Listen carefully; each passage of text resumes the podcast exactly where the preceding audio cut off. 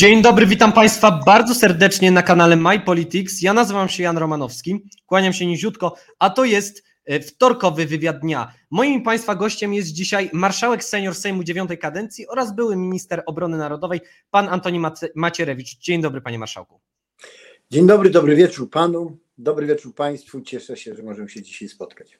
Na wstępie dwie rzeczy powiem do naszych widzów. Pierwsza, przepraszamy za, za lekkie spóźnienie. Niestety mieliśmy małe problemy organizacyjno-techniczne, przez co 8 minut się e, obsunęło wejście na antenę. A druga rzecz jest taka, zachęcam do zadawania pytań panu marszałkowi. Najlepsze dwa czy trzy zadamy pod koniec e, dzisiejszego wywiadu. Panie marszałku, pierwsze pytanie myślę, że to jest pytanie bardzo ważne dla, dla wielu Polaków. Co, co pan o tym sądzi?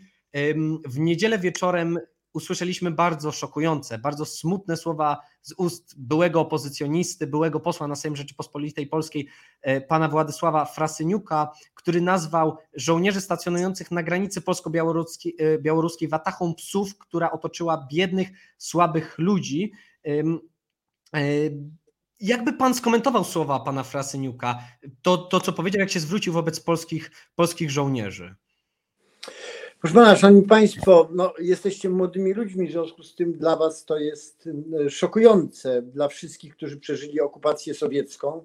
To nie jest szokujące, to jest po prostu powtórka tamtych czasów. E, e, nie wiecie o tym zapewne, ale w latach 40., 50. polskie miasta były obwieszone plakatami z napisem Armia Krajowa, AK, zapluty karzeł reakcji tak właśnie traktowano polskich żołnierzy, tak traktowano polską niepodległość, tak, tak traktowano polski y, patriotyzm. Także to, co robi pan Frasyniuk, jest dokładną powtórką tego samego. On się po prostu wyrzekł polskości. On powtarza e, sowieckie, sowieckie obelgi wobec Polaków. On zachowuje się dokładnie tak, jak zachowywali się, e, jak zachowywali się wobec Polski Polski e, Rosjanie.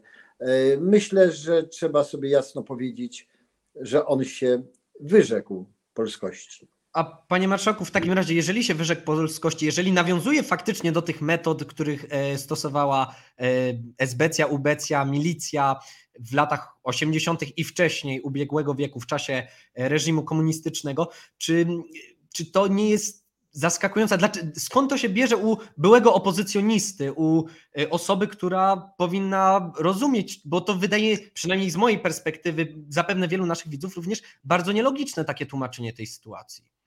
Proszę mi wybaczyć, ale to pytanie proszę zadać panu Frasyniukowi.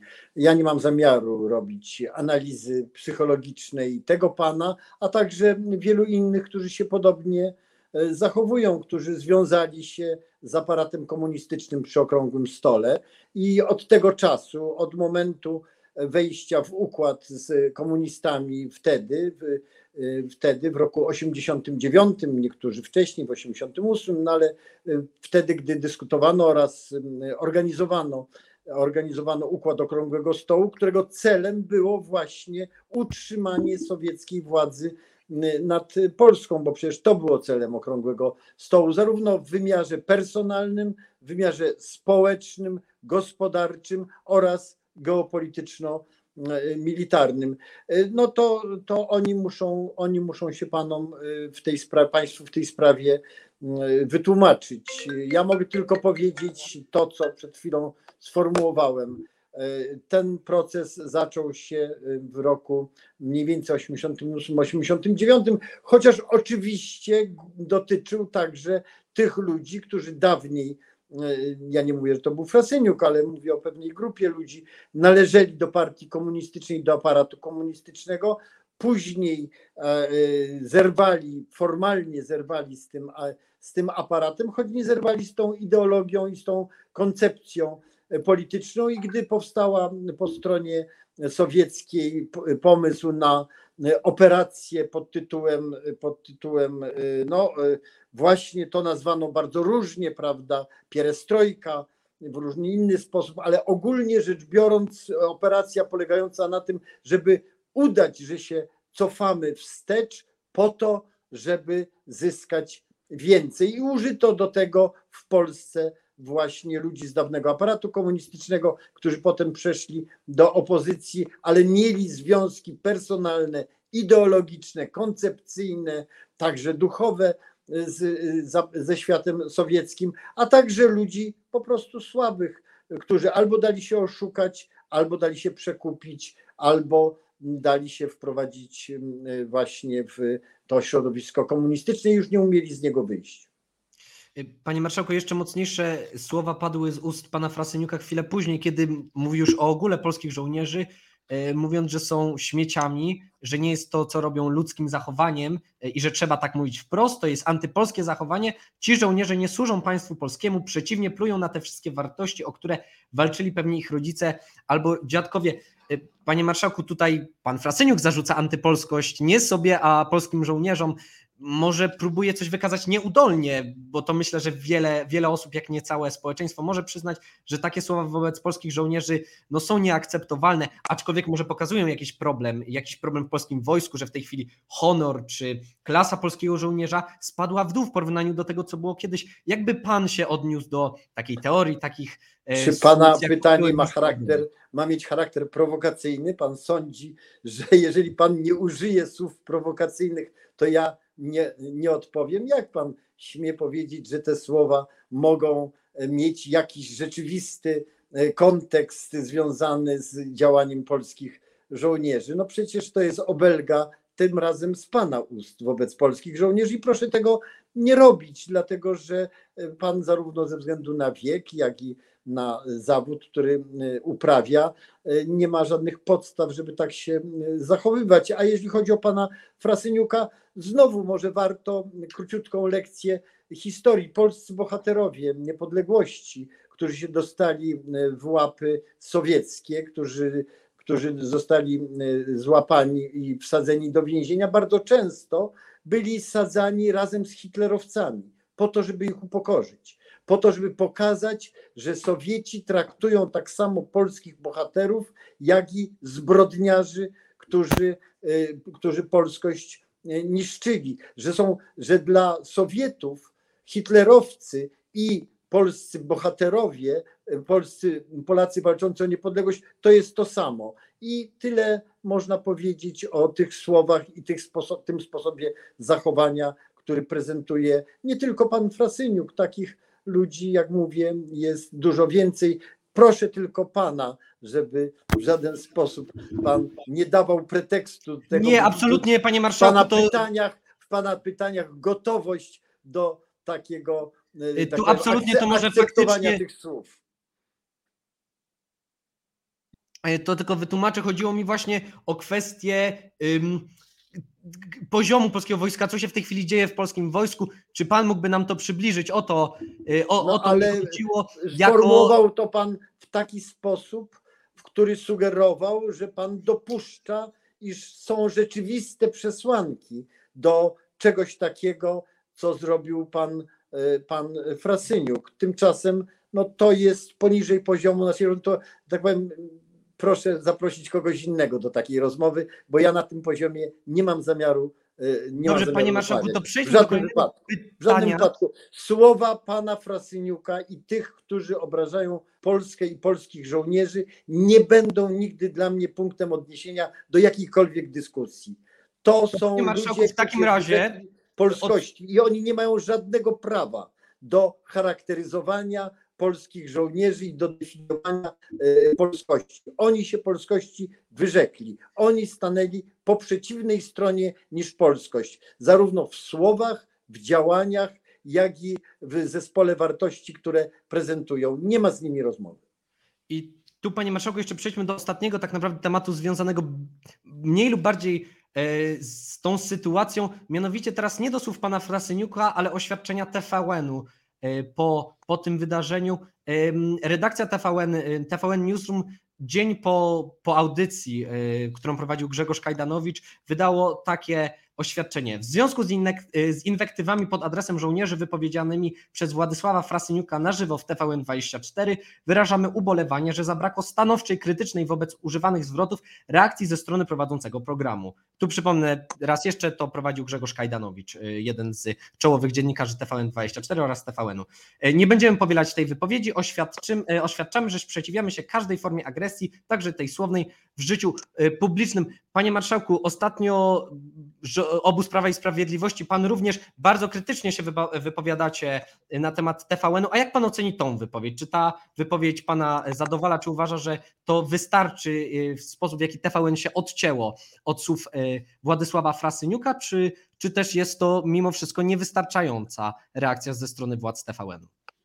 Może najpierw y, do tego, co Pan sformułował na samym początku. Y, Proszę mi wybaczyć, ja rozumiem Pana wiek, w związku z tym Pan nie musi y, znać moich wypowiedzi na temat TVN-u w ciągu ostatnich 20 lat, ale twierdzenie, że ja się ostatnio krytycznie wypowiadam na temat TVN-u jest naprawdę, delikatnie mówiąc, nie- nieprecyzyjne. O tak bym to sformułował. Tu, tu, panie marszałku, mi chodzi też o tych słowach, o których pan, do których, o których też porozmawiamy, za które TVN ma pana pozwać, ale to do tej, do tej kwestii wrócimy e, za chwilę po, po tym. Jeżeli pytaniu. można. E, Ja miałem stosunek do TVN-u taki sam od samego początku, ponieważ było dla mnie oczywiste, miałem pełną wiedzę na ten, na ten temat, że to jest stacja założona przez agenturę sowiecką. W związku z tym traktowanie jej jako stacji polskiej i traktowanie jej jako, e, jako e, źródła informacji, em, dla, które trzeba brać pod uwagę jako rzeczywiste informacje na temat, na temat tego, co się dzieje w Polsce, czy na temat także e, sytuacji międzynarodowej Polski, jest głębokim nieporozumieniem. E, To była stacja kłamliwa, stacja, która e, reprezentowała bardzo długo interesy sowieckie, interesy rosyjskie, a w związku z tym nigdy jej nie traktowałem jako stacji e, polskiej, bo nigdy taką nie była. Była stacją założoną przez sowiecką e, agenturę i nigdy tego specjalnie nie ukrywałem i nie jest tak, że to jest jakiś ostatni, e, ostatni mój, ostatnia moja wypowiedź w ostatnim momencie. Nie wiem, jak jest to u kolegów innych z Prawa i Sprawiedliwości, nie analizowałem tego, ale większość z tych, którzy działają w polityce od dłuższego czasu, jest, ma pełną świadomość, czym naprawdę była ta stacja. A panie marszałku, jeszcze, jeszcze tu wracając właśnie do tego oświadczenia, które przed chwilą przeczytałem, czy sądzi A, pan, że... dobrze, Tak, przepraszam na tak, emocje. tak. Jeżeli o to chodzi, to bardzo ważne pytanie i bardzo za to pytanie dziękuję, dlatego że ta, to oświadczenie TVN-u ma dwa aspekty. Jeden aspekt dotyczy y, tego, że przepraszają za tę wypowiedź i bardzo dobrze, że przepraszają. Myślę, że powinni przeprosić nieporównanie głębiej, że powinni przeprosić przede wszystkim polskich żołnierzy, ale także Polskę. E, e, Oni tego niestety, oni tego niestety nie zrobili, i, a ich przeproszenie powinno mieć nie tylko charakter słowny, ale także, jeśli chcą, żeby to było prawdziwe przeprosiny, charakter polegający na zmianie sposobu podejścia do Polski i polskości. To powinny być przeprosiny. Nie doraźna y, wypowiedź, tylko naprawdę głęboka zmiana y, zachowania się ich tak zwanych dziennikarzy i ich e, kierunku, kierunku y, interpretacji i przedstawiania y, spraw polskich i e, polskości i naszych problemów. Wtedy byśmy mieli do czynienia z przeprosinami. Ale jest drugi aspekt tej, tego, tego oświadczenia, który niestety pokazuje, że nie bardzo mamy szansę liczenia na rzeczywistą zmianę TVN-u, tylko na pewną taktyczne zachowanie. Oni nie potępili jednoznacznie i nie przeprosili za zachowanie pana Kajdanowicza, bo przecież to nie jest tak, że on nie zareagował. On zareagował. Proszę sobie odegrać e, tę audycję. On de facto poparł pana Frasyniuka. Zrobił to w sposób delikatny, zrobił to w sposób, e, który e, mógł, że tak powiem, bezpośrednio nie do każdego dotrzeć, tylko odegrać rolę na podświadomość społeczną. ale w sposób oczywisty jego ton, jego słowa, jego i problematyka, którą podjął w swojej odpowiedzi, oznaczała akceptację słów Frasyniuka. Bezspornie. To nie jest tak, że on był zaszokowany tymi słowami. On uznał te słowa za właściwe i ten, ten kierunek, ten kierunek myślenia i ten kierunek działania za właściwy. I y, y, stacja TVN w swoim oświadczeniu jakby ukryła ten fakt. I to jest rzecz naprawdę wskazująca na to, że nie, nie mamy wielkich szans, by TVN traktował poważnie i uczciwie te słowa z pierwszej części swojego y, oświadczenia. Bardzo nad tym ubolewam, dlatego, bo każdemu, każdy ma szansę się poprawić. TVN nie chce się poprawić. TVN chce grać pewną taktyko, taktyczną grę w związku z dyskusją, jaka teraz się y, odbywa. I dlatego tak, tak się zachowuje, bo jest świadom tego, że słowa Frasyniuka są tak straszliwe, że wzbudzą powszechne, powszechne społeczne oburzenie. I dlatego y, dał to oświadczenie, ale to jest wyłącznie, według mnie, y, po analizie ich zachowania, po analizie tego oświadczenia, taktyka, a nie rzeczywiste, dogłębne zrozumienie, że tak się zachowywać nie wolno. Panie marszałku, tu jeszcze mówiąc właśnie o wielu kontrowersyjnych wypowiedziach, które ostatnio w polskiej polityce y, miały miejsce, no, równie kontrowersyjny, dla, w niektórych kręgach nawet bardziej kontrowersyjną wypowiedź, y, a tak dokładnie wpis na Twitterze miała posłanka, warszawska posłanka Koalicji Obywatelskiej, y, pani Klaudia Jachira, która napisała, i tu cytuję, że Polacy tak samo, tak samo pomagają uchodźcom, jak kiedyś Żydom w czasie wojny. Panie marszałku, jest pan z wykształcenia historykiem. I chciałbym, żeby pan się odniósł na dwóch poziomach właśnie do tej wypowiedzi pani, pani posłanki, ją skomentował. Pierwsza właśnie z perspektywy historyka, a druga z perspektywy osoby, która zna polską politykę, e, zna w jakiejś mierze oczywiście polską dyplomację jako szef, e, e, jako szef obrony narodowej, resortu obrony narodowej. Obecnie przeżywamy kolejny kryzys relacji polsko-izraelskich i czy takie słowa nie dolewają oliwy do ognia osobom takim jak na przykład Jairowi Lapidowi, który tu myślę, że nie jest to kontrowersyjne stwierdzenie, jeżeli powiem, że gra w tej chwili politycznie sentymentami do osiągania celów politycznych w Izraelu. Także jakby pan się odniósł do tych słów posłanki Jahiry? Znaczy, po pierwsze, zacznijmy od tego, że y, sformułowanie wobec kogoś czy jakichś słów, że one są kontrowersyjne, jest próbą ukrycia rzeczywistego stosunku do danych słów. Bo albo te słowa e, akceptujemy, albo ich nie akceptujemy, albo mówimy, że mogą one podlegać e, dyskusji. My mamy w tej sprawie takie lub inne zdanie. Sformułowanie kontrowersyjne jest taką ucieczką od rzeczywistego stosunku do danej osoby, danego wydarzenia czy danych słów. To po pierwsze. E, po drugie, jeżeli chodzi o to, co powiedziała pani e, Jachira, to jest atak nie mniej brutalny niż atak pana, a może nawet bardziej, niż pa, atak pana na polskość i na Polskę i na naszych rodziców i dziadków, na tych wszystkich, którzy poświęcali swoje życie dla ratowania, dla ratowania Żydów. Nie było, nie było w czasie II wojny światowej innego narodu, pod okupacją hitlerowską, który by poświęcił tyle żyć ludzkich, tyle wysiłków, tyle, tyle nieprawdopodobnego zaangażowania, jak właśnie państwo i naród polski.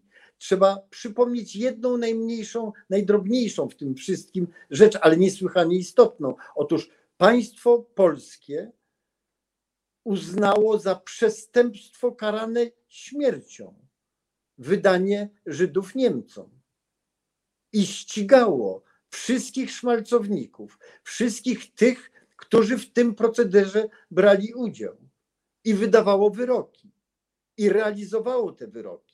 Było, powtarzam, państwo podziemne, państwo będące w trakcie okupacji niemieckiej, państwo, którego ludność była mordowana w sposób nie mniej brutalny, nie mniej straszliwy jak ludność żydowska państwo, której Żydzi byli obywatelami i które miało obowiązek, i ten obowiązek realizowało nie tylko ze względów ludzkich, chrześcijańskich, narodowych, ale także ze względów na to, że miało poczucie obowiązku obrony swoich obywateli, bez względu na ich religię, pochodzenie, e, przynależność dowolną.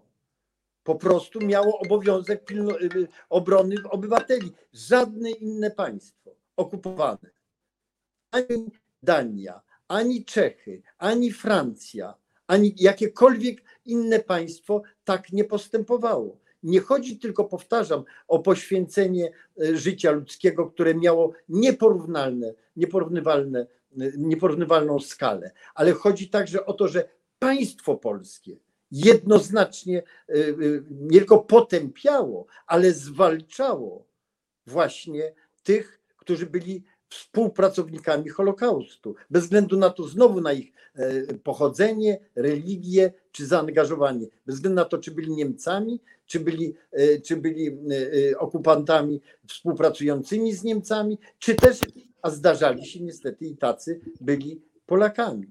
Więc te słowa pani Jachiry są słowami godnymi najwyższego potępienia. I to, to w takim razie, przepraszam, słowo, panie marszałku. To chodzi o meritum, a jeżeli chodzi o ocenę polityczną, no, to nie ma, wątpli nie ma wątpliwości, że by, są to słowa świadomego wsparcia ataku, y, który obecnie jest y, toczony, y, wytoczony wobec Polski. Warto sobie uświadomić, że to jest atak, który jest, pochodzi ze środowiska przede wszystkim Żydów rosyjskich.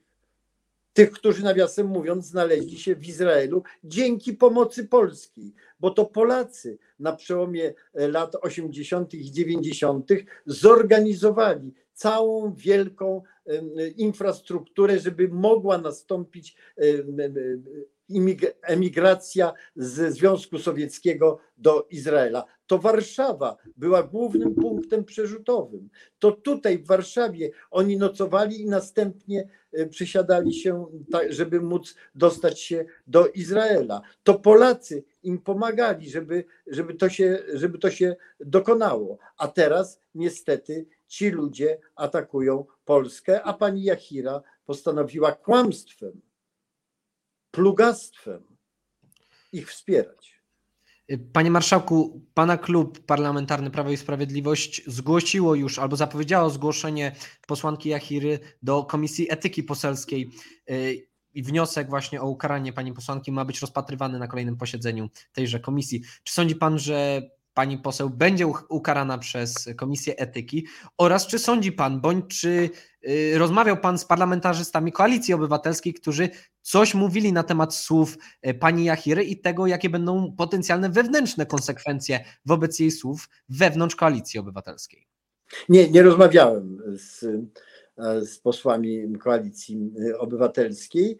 E, w tej sprawie i nie widzę takich perspektyw, żebym miał taką, takie rozmowy prowadzić. W tej sprawie są osoby w klubie, które wzięły na siebie to brzemię i naprawdę e, tak powiem, im współczuję, że są członkami Komisji Etyki w związku z tym muszą takie rozmowy e, prowadzić. Ja członkiem Komisji Etyki nie jestem, ale trudno mi jest sobie wyobrazić, żeby stanowisko Komisji Etyki nie było jednoznacznie potępiające. E, myślę, że, na, że to jest ogólnopolskie stanowisko, także, także znajdzie ono wyraz w stanowisku Komisji Etyki. Jestem o tym przekonany. E, dobrze, panie marszałku, jeszcze ostatnie zagadnienie tutaj na temat mniej lub bardziej związane z E, z sytuacją na granicy polsko-białoruskiej. Takie szybkie, otwarte pytanie, jakby Pan mógł swoje rozwiązanie dać wobec kryzysu, który, e, który nastąpił na, na tejże granicy i czy sądzi Pan, że, powin, e, że polskie państwo powinno przyjąć uchodźców w tej chwili czekających, koczujących przy polskiej granicy lub czy polskie państwo powinno wpuszczać na przykład posłów, którzy chcą przynosić jedzenie, picie, śpiwory czy inne e, rzeczy y, rzeczy uchodźcom y, na granicy polsko-białoruskiej. Jak, jakie pan widzi rozwiązanie osobiście jako Antoni Macierewicz? Co by zrobił Antoni Macierewicz, jakby był w tej chwili, zarządzał tym, tym całym kryzysem? No, to musiałbym się odwołać do mojego doświadczenia jako doświadczenia ministra spraw wewnętrznych, a nie obrony narodowej, choć oczywiście to, że zostało zaangażowane wojsko w tej trudnej sytuacji jest słuszną jest słuszną decyzją, ale e, główny ciężar spada na Ministerstwo Spraw Zewnętrznych, Wewnętrznych i na Ministerstwo Spraw Zagranicznych. Przy okazji warto sobie uświadomić coś, co jest nieuwypuklane w całej tej e, sprawie. Przecież ci ludzie nielegalnie próbują przekroczyć granicę nielegalnie, w tym oto sensie, że oni się nie zgłaszają na przejścia graniczne między, e, między na, na granicy polsko-białoruskiej naprawdę jest bardzo, bardzo wiele przejść. Takich, przez które powinno się ci, którzy chcą e, się zgłosić jako, e, jako uchodźcy, nie tylko mają prawo, ale mają obowiązek tam się stawić. I ci, którzy chcą im pomóc, mają nie tylko prawo, ale obowiązek robić to zgodnie właśnie z prawem, a więc to się dokonuje w miejscach, gdzie są przejścia graniczne. Tak to, y, tak to wygląda w każdym kraju i tak to wygląda, y, wygląda w Polsce i w relacjach między Polską a Białorusią. Tymczasem ci ludzie chcą się przedrzeć nielegalnie na przestrzeni, która nie jest terenem do przejścia między Polską a Białorusią. Białoruś nie ma, nie jest w Schengen nie jest członkiem Unii Europejskiej. Nie mamy podpisanej umowy o swobodnym przechodzeniu, prze, prze, przechodzeniu granic. Przejścia między Polską a Białorusią odbywają się wyłącznie na wyznaczonych punktach. I jeżeli ktoś chce się dostać do Polski, to tam powinien się zjawić, tam powinien przedstawić swoje dokumentacje i swoją, swoje, swoją wolę, swoje życzenia, jeżeli naprawdę jest prześladowanym uchodźcą. Czyli warto przypomnieć, jeśli pan pozwoli, warto przypomnieć y, deklarację, którą złożyła pani Zacharowa szefowa, szefowa y, rzeczniczka Ministerstwa Spraw Zagranicznych Federacji Rosyjskiej. Ona wprost powiedziała, że to nie są żadni Afgańczycy, tylko Irakijczycy.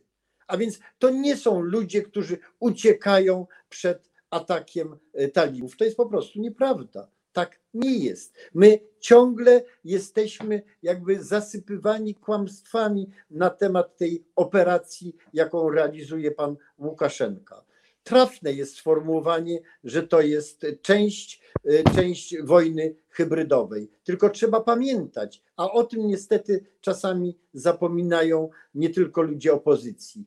Ta wojna hybrydowa zaczęła się zbrodnią smoleńską w 2010 roku. To był początek wojny hybrydowej, jaką Federacja Rosyjska zaczęła toczyć z Polską i toczy ją nadal różnymi narzędziami. Jeszcze niedawno to było porywanie samolotów polskich po to, żeby z nich wydobyć i bez, bezprawnie, bezprawnie porwać ludzi lecących do Polski czy lecących do Litwy. Dzisiaj to jest próba stworzenia, stworzenia fali uchodźczej. Panie Marszałku, ostatnie zdanie na ten temat, żebyśmy mogli przejść do nielegalną rolę, rolę w Polsce. Mamy obowiązek bronić się przed tym. Mamy obowiązek zamknąć granice, tak aby Rosja nie mogła zniszczyć przy pomocy fali uchodźczej Polski. Panie Marszałku, a czy dobrze zrozumiałem z tej wypowiedzi, to ostatnie właśnie pytanie na ten temat, nawiązując do Pana wypowiedzi, e, że jeżeli, e, że skierowałby Pan tych ludzi po prostu do przejść granicznych, które mamy między Polską a Białorusią? No ale to nie ja mam obowiązek ich skierować, tylko tylko Białoruś, która tych ludzi do siebie przecież przetransportowała. Przecież oni przylecieli do, do Białorusi w pełni legalnie za zgodą Białorusi. Tak więc to Białoruś jest państwem, które ich przyjęło, a teraz próbuje nielegalnie wypchnąć ich, e, e, korzystając z miejsc, które nie są przejściami, a więc e, atakując polską, polską granicę na to zgody być oczywiście nie może. I ci ludzie powinni zdawać sobie sprawę, że są używani jako narzędzia, a może aprobują taki, y, takie, taką swoją sytuację. Tego nie wiem, to jest sprawa osobna.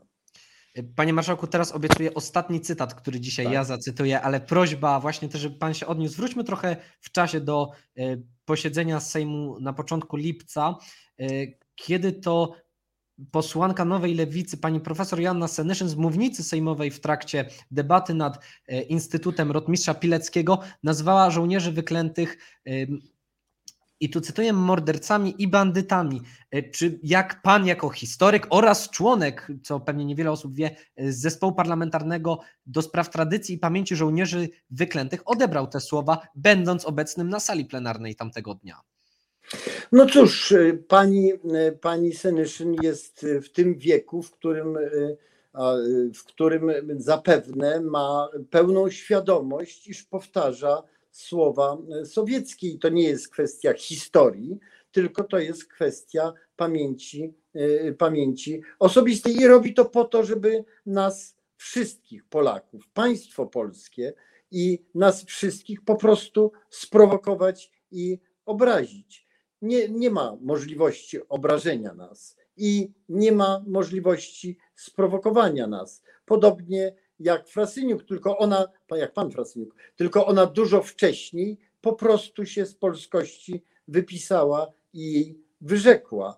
Ona po prostu y, jest osobą o sowieckim światopoglądzie i demonstruje ten sowiecki, antypolski światopogląd, ale to nic dziwnego. Y, Formacja, z której pochodzi, była formacją będącą narzędziem, sowieckim narzędziem okupacji Polski. I on dla niej to jest, to jest y, taki sposób myślenia i wypowiadania się, który jest naturalny, wychowała się w takim myśleniu. Dobrze, że Państwo to usłyszeli, bo wiecie Państwo już, jak wyglądała okupacja sowiecka. Bohaterów nazywano tak i tak y, wyzywano i tak oskarżano kłamliwie, jak robi to pani Senyszyn. To jest najlepsze świadectwo tego, kim byli i jak działali Sowieci w Polsce.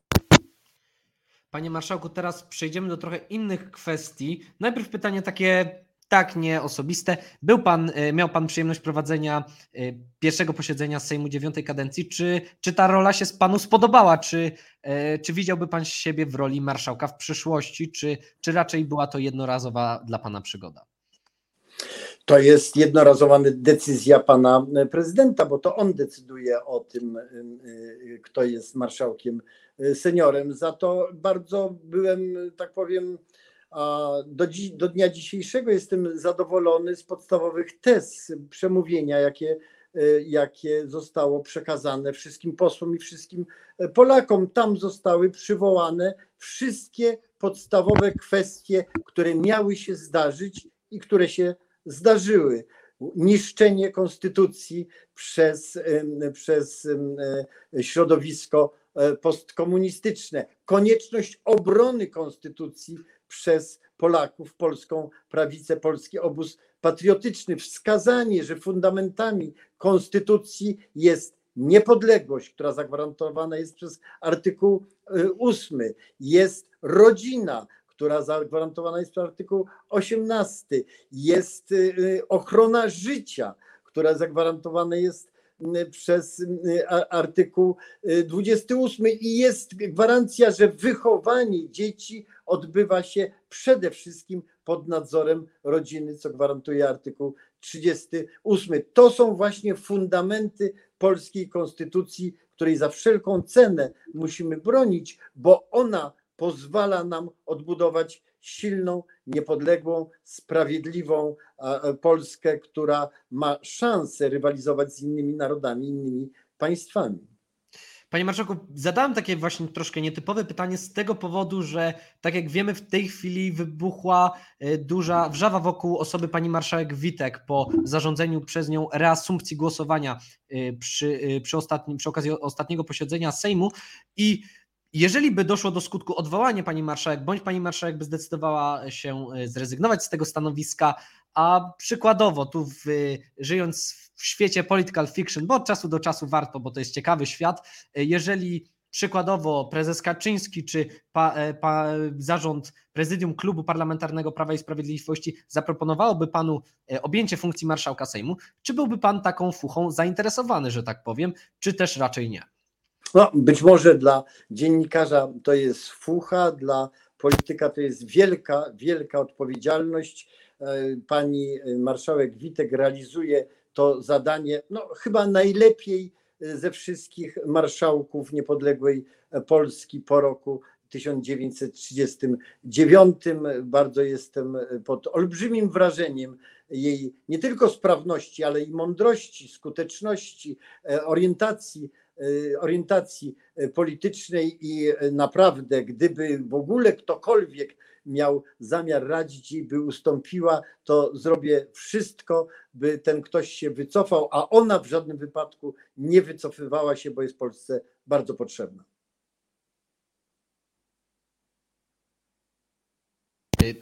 A pani marszałku, jeszcze tutaj pytanie. Opozycja już zapowiedziała, że złoży wobec pani marszałek. Przepraszam, jeżeli mnie na chwilę przerwało, mam jakieś lekkie kłopoty z łączem internetowym.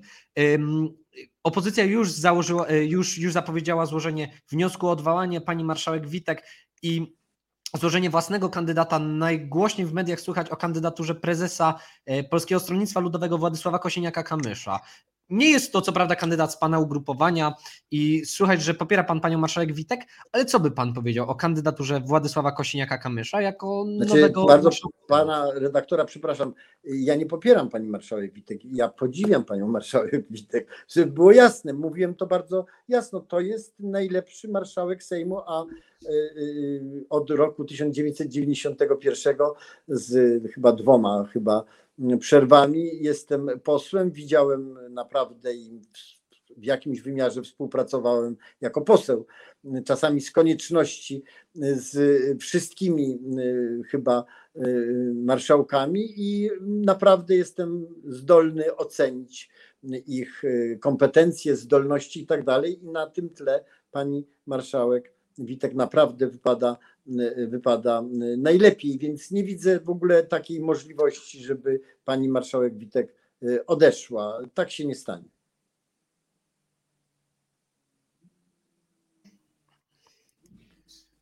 Przepraszam, znowu.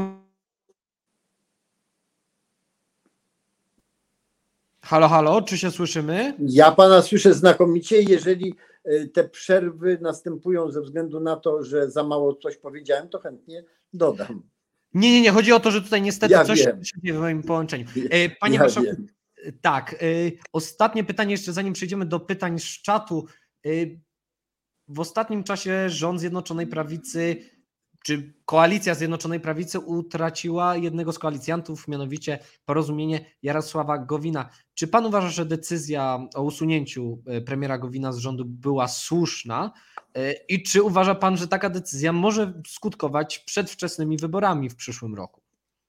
E, Po pierwsze, pan mówi o utraceniu jednego z, z koalicjantów, no ale przede wszystkim zyskaliśmy zamiast jednego dwóch koalicjantów, czy też dwóch, e, dwie, dwa środowiska e, współpracujące ze Zjednoczoną Prawicą, z Prawem i Sprawiedliwością, znaczy Partię Republikańską i e, środowisko pana, pana przewodniczącego Kukiza, więc jak pan widzi, nie jest to ruch, który doprowadził do straty, a do zysków w wymiarze politycznym, a także, także personalnym.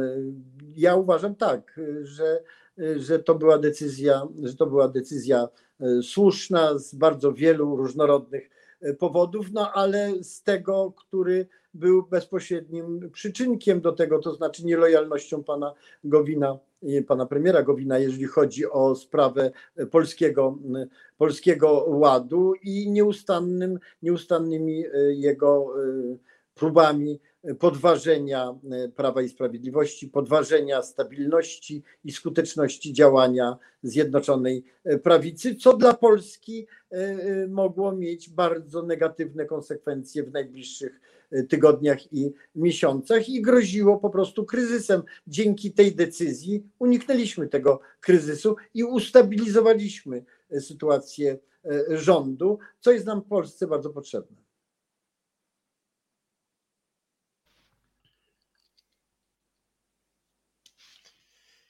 Dziękuję bardzo Panie Marszałku i muszę przyznać, że niestety troszkę skłamałem, bo jeszcze jedno pytanie ode mnie, zanim przejdziemy do czatu. Nie Pytanie- no, ale przecież nie robił pan tego świadomie, a kłamstwo to jest błąd robiony świadomie.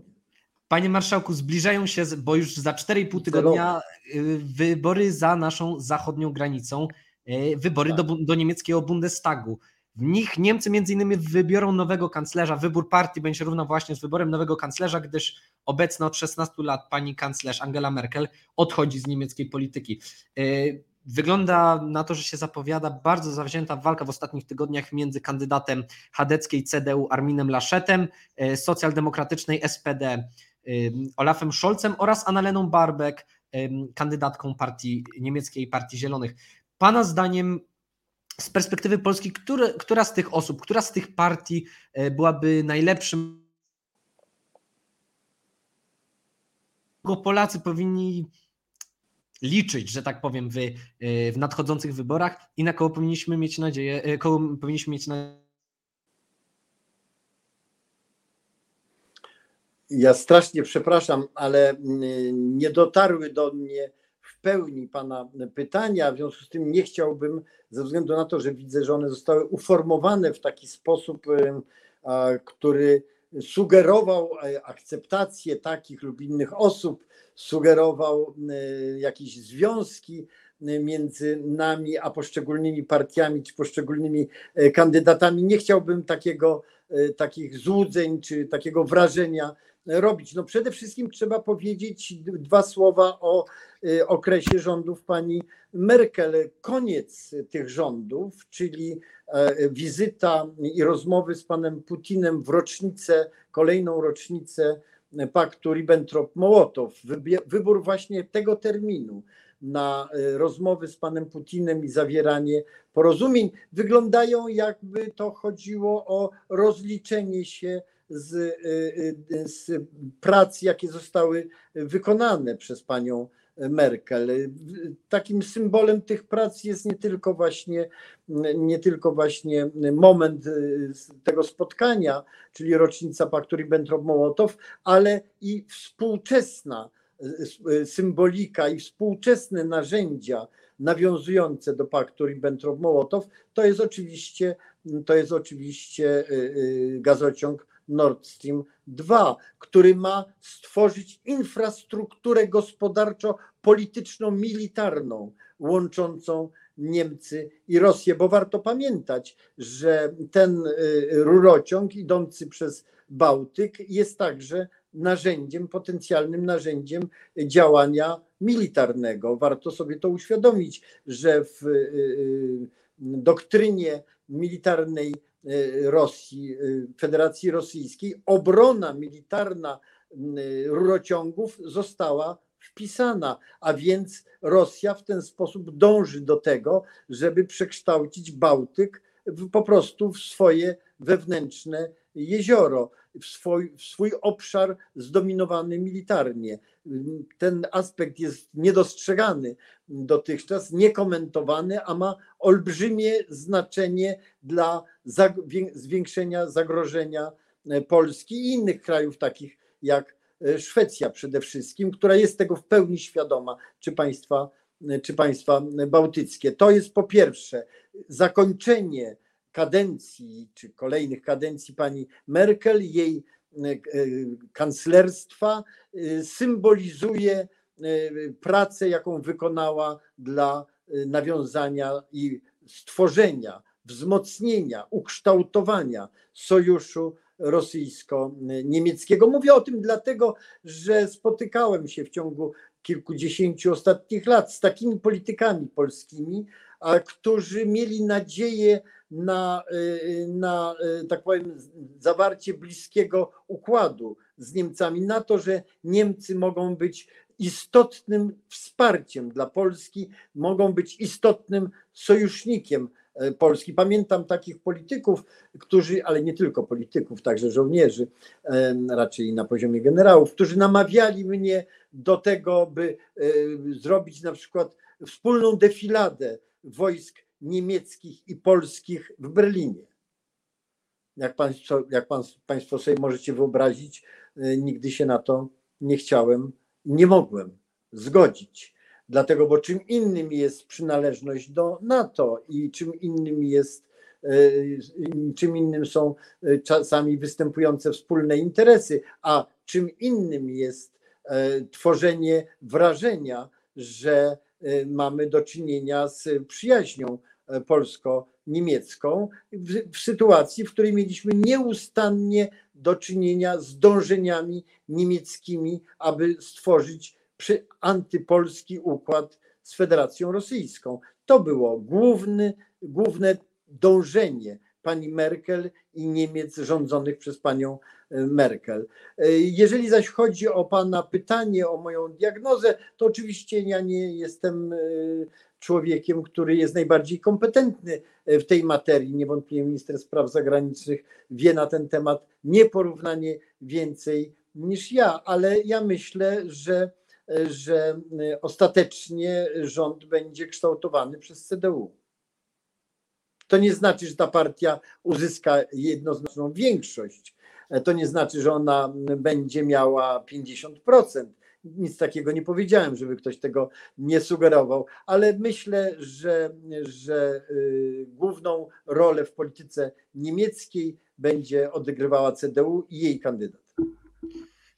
Dziękuję bardzo, panie marszałku. W takim razie przejdziemy do dwóch pytań z czatu, bo na tyle mamy czas. Y, czasu pierwsze pytanie ciekawe bardzo, bo. Przepraszam, bo ja nie dokończyłem, proszę wybaczyć, tak? coś przerwało. Y, Aha, I rozumiem. wyglądało, że. I mam nadzieję, że to nowe kierownictwo CDU nie będzie kontynuowało polityki pani Merkel, bo to otworzyć mogłoby rzeczywiście e, relacje między Polską a Niemcami. Tak długo, jak długo Niemcy e, będą realizowały politykę prorosyjską, tak długo, jak będą chciały korzystać z takiego układu sojuszu rosyjsko-niemieckiego, tak długo Polska będzie musiała robić wszystko, żeby przeciwko temu zagrożeniu się bronić. To panie marszałku, teraz do tych dwóch pytań z czatu. Pierwsze ciekawe, bo coraz częściej pojawia się w polskiej debacie politycznej, mianowicie postulowane najgłośniej przez y, posła Konfederacji kandydata na prezydenta w 2020 roku Krzysztofa Bosaka. Pytanie tutaj od y, Superior Walter, mianowicie co pan Przepraszam, sądzi... nie słyszałem. Pytanie od? O, od Superior Walter, taki nick ma A, ten użytkownik. Y, I pytanie brzmi następujące: co pan sądzi o wprowadzeniu polonijnych okręgów wyborczych postulowanych właśnie przez Krzysztofa Bosaka? Polonijne okręgi wyborcze są postulowane mniej więcej od roku 1991. W związku z tym, jeżeli pan Krzysztof Bosak chce się w to włączyć, to naprawdę witamy y, z radością, bo to jest y, kierunek naprawdę bardzo słuszny, naprawdę bardzo słuszny. Powiedziałbym nawet konieczny, tylko że bardzo trudny do zrealizowania. Ale to nie znaczy, że należy z tego rezygnować. Trzeba po prostu popracować zarówno w wymiarze prawnym, jak i w wymiarze politycznym, bo trzeba sobie zdać sprawę z tego, że e, Polonia liczy blisko 20 milionów e, osób. E, to jest, jest rozsiana na całym, na całym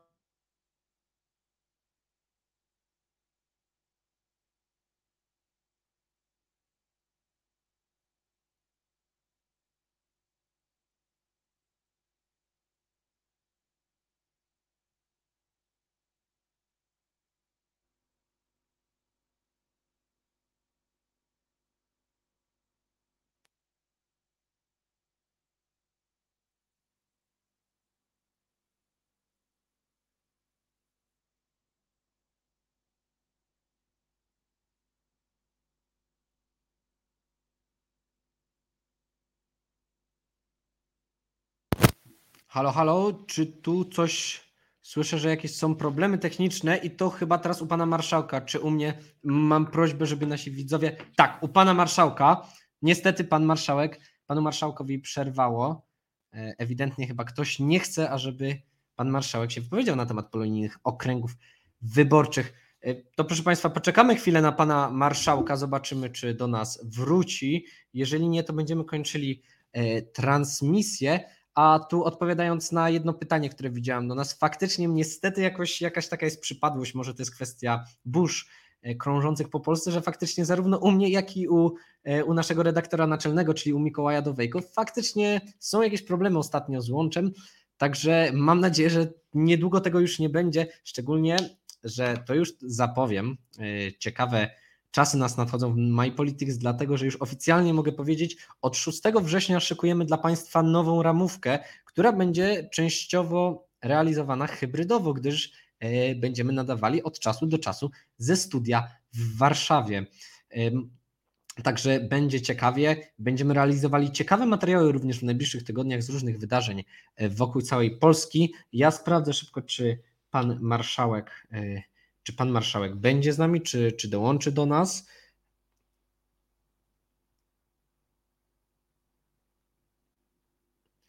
I proszę Państwa, możemy chyba w takim razie zrobić tak, że czekając na odpowiedź na to, czy będzie E, pan marszałek, e, ja mogę potencjalnie przyjąć jakieś pytanie, jeżeli Państwo mają na temat MyPolitics do mnie.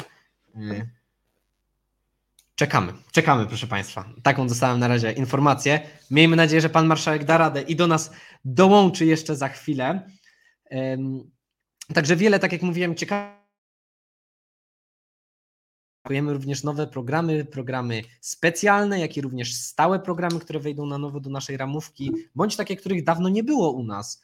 E, także, także myślę, że warto śledzić to, co się będzie działo w najbliższych dniach. Oczywiście, oczywiście czekamy jeszcze, teraz kończymy okres wakacyjny, jeszcze bez takiej regularności będzie się pojawiało tak jak wakacje, e, ale, ale myślę, że nowa ramówka to będzie coś ciekawego. Czy zaprosimy kogoś z Polski 2050 na wywiad dnia? E, kolejne pytanie od Superior Waltera, e, Waltera, przepraszam. E, tak, myślę, że na pewno zaprosimy. Był u nas zresztą, tylko że nie jako reprezentant Polski 2050.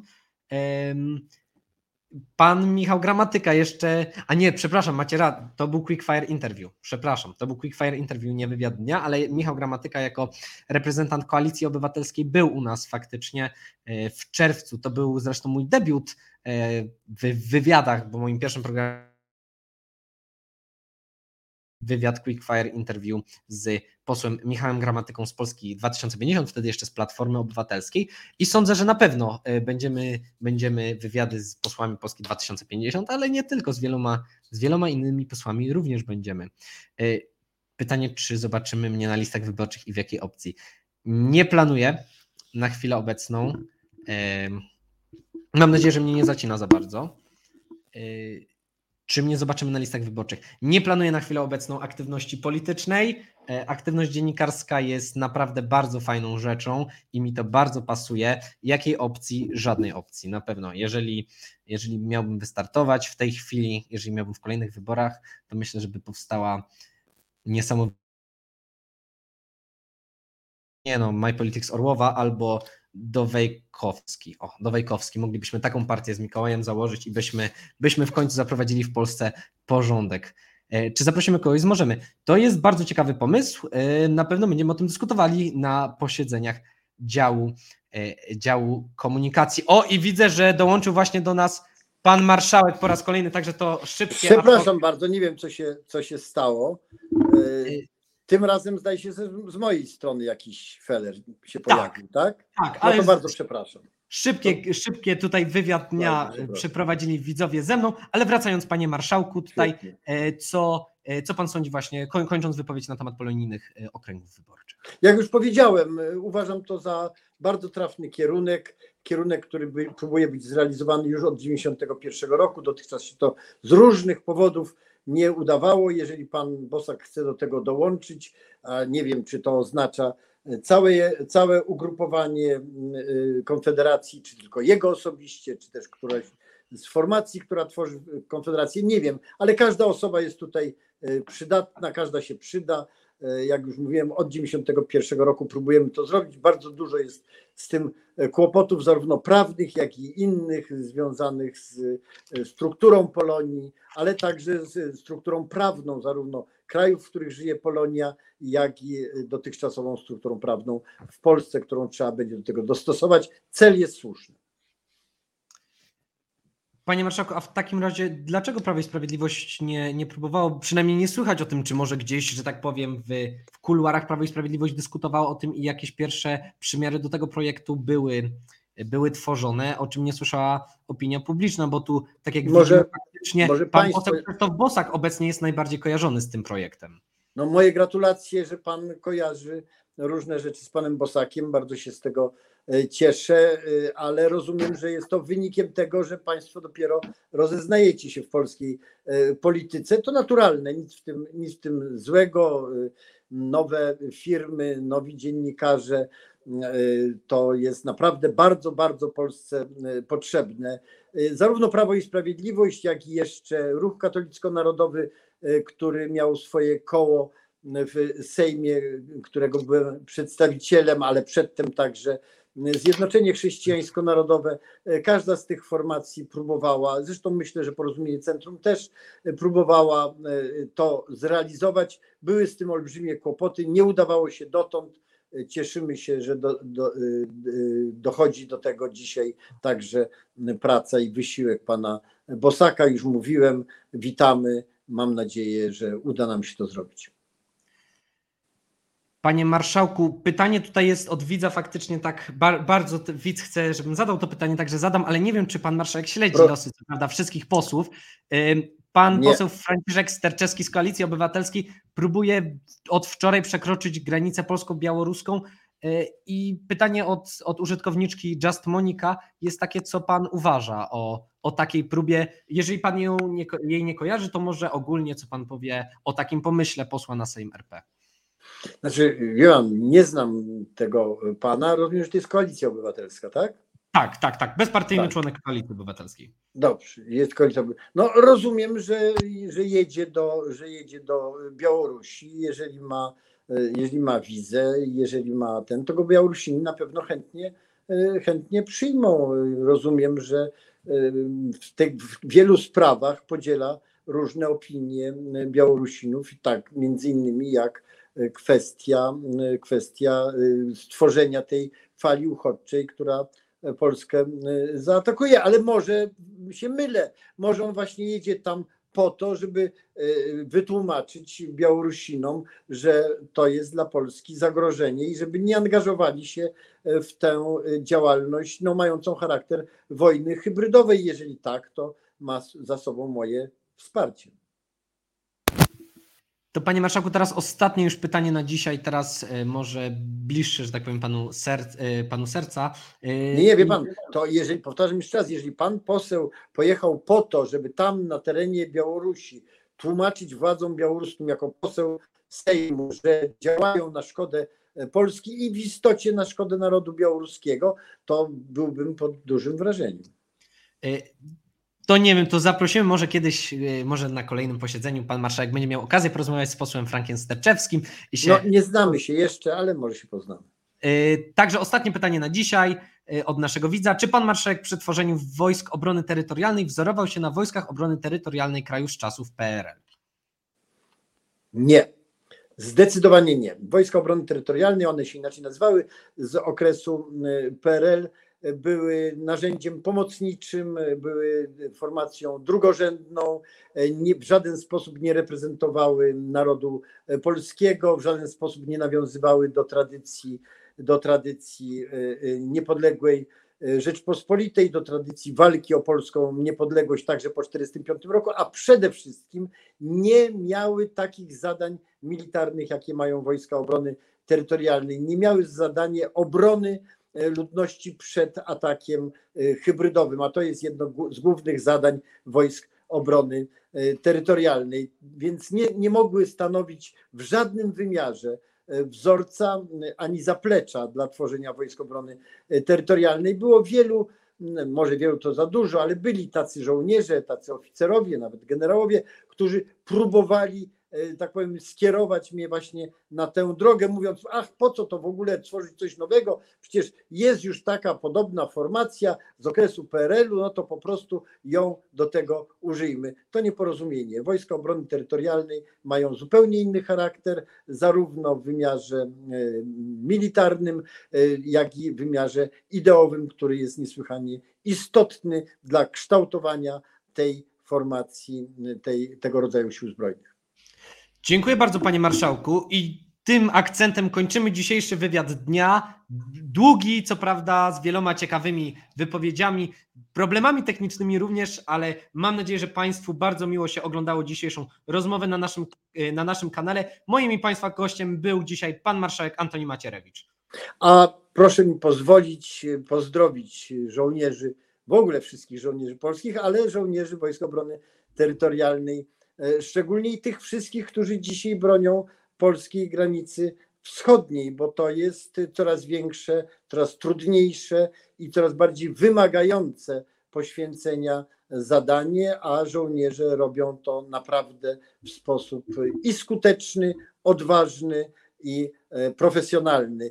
To po pierwsze, a po drugie, e, proszę e, przyjąć moje serdeczne gratulacje w związku z funkcjonowaniem Waszej stacji, Waszej redakcji i moje nadzieje, że wielu z Was znajdzie się równocześnie w Wojskach Obrony Terytorialnej. Jesteście tam potrzebni. Dziękujemy bardzo za miłe słowa, panie Dziękuję. marszałku. Ja państwu raz jeszcze dziękuję i jeszcze e, skorzystam z okazji, żeby zaprosić państwa jutro w imieniu Jakuba Lewandowskiego na godzinę 18 na cotygodniową debatę liderów, czyli liderów polskich młodzieżówek Polską przyszłość oraz na godzinę 20.30 na cotygodniowy komentarz polityczny, program publicystyczny, który poprowadzić przyjemność będę miał ja, gdzie porozmawiamy o najważniejszych tematach z, o- w, polskiej polityce, dziejącej się w polskiej polityce w ostatnich kilku dniach. Ja państwu raz jeszcze dziękuję. A najważniejszym tematem jest pilnujmy Polski. Naprawdę, naprawdę. Pilnujmy Polski, bo jest zagrożona. Dziękuję Dziękuję. bardzo, panie, dziękuję bardzo, panie marszałku. Dziękuję Dziękuję. państwu. Ja nazywam się Jan Romanowski. Do widzenia, do zobaczenia. Do zobaczenia.